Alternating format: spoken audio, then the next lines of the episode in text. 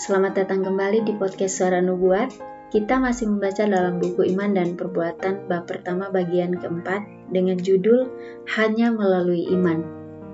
Banyak orang muda yang dikirimkan untuk pelayanan padahal mereka tidak mengerti rencana keselamatan dan apa arti dari pertobatan yang sebenarnya.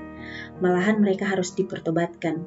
Kita harus diterangi mengenai hal ini dan para pendeta harus diberikan pengajaran lebih mengenai hal ini yang menjelaskan mengenai pertobatan yang sejati. Semua orang yang telah dibaptis akan memberikan bukti bahwa mereka sudah bertobat. Tidak ada hal yang lebih penting untuk dipahami, diulang-ulang, dan ditanamkan ke dalam pikiran daripada ketidakmungkinan dari seorang manusia yang telah jatuh ke dalam dosa, membuat dirinya layak oleh perbuatan terbaiknya. Keselamatan hanya melalui iman kepada Yesus Kristus. Pada saat pertanyaan ini ditelusuri dengan hati yang sedih, kita melihat catatan pendapat yang sepele dari mereka yang seharusnya dapat mengerti mengenai misteri kealahan. Mereka berbicara dengan sangat berani mengenai saudara-saudara yang mengaku percaya pada kebenaran dan mengajarkan kebenaran. Mereka telah kekurangan beberapa fakta yang telah dibukakan kepadaku. Musuh itu telah menjerat pikiran mereka di dalam kabut keduniawian dan telah berakar dalam pengertian mereka dan akhirnya menjadi iman dan tabiat mereka. Hanya dengan pertobatan mereka dapat mengubah hal ini dan meninggalkan ide-ide salah ini karena apa yang akan saya tunjukkan.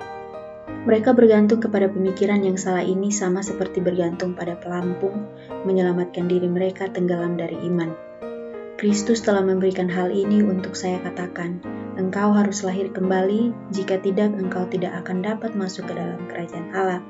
Oleh karena itu, semua yang telah memiliki pengertian yang benar mengenai hal ini mengesampingkan roh pertentangan dan mencari Tuhan dengan segenap hatinya. Dan mereka akan menemukan Kristus dan dapat menghidupkan tabiat yang berbeda dalam pengalaman kerohanian mereka. Mereka harus menjaga hal ini, kesederhanaan ilahi kepada orang lain dalam setiap ceramah Hal ini akan datang kepada setiap hati yang lapar dan haus, yang ingin datang kepada suatu jaminan pengharapan dan iman dan kepercayaan yang sempurna melalui Tuhan kita Yesus Kristus. Biarlah pokok persoalan ini menjadi jelas dan sederhana dan tidak akan membawa pengaruh apa pun pada saat kita berdiri di hadapan Allah atau melalui pemberian Allah kepada kita melalui ciptaan yang dilayakan.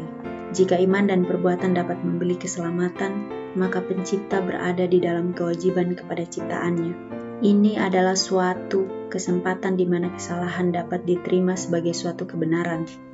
Jika siapa pun dapat melayakan dirinya untuk mendapatkan keselamatan dari usaha yang dia lakukan, maka ia mempunyai posisi yang sama seperti Katolik melakukan penebusan dosa bagi dosa-dosanya.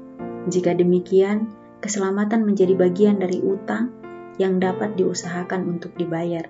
Jika seseorang tidak dapat dengan hasil usahanya mendapatkan keselamatan, maka hal ini hanya karena kemurahan diterima oleh seseorang sebagai orang berdosa karena dia menerima dan percaya kepada Yesus.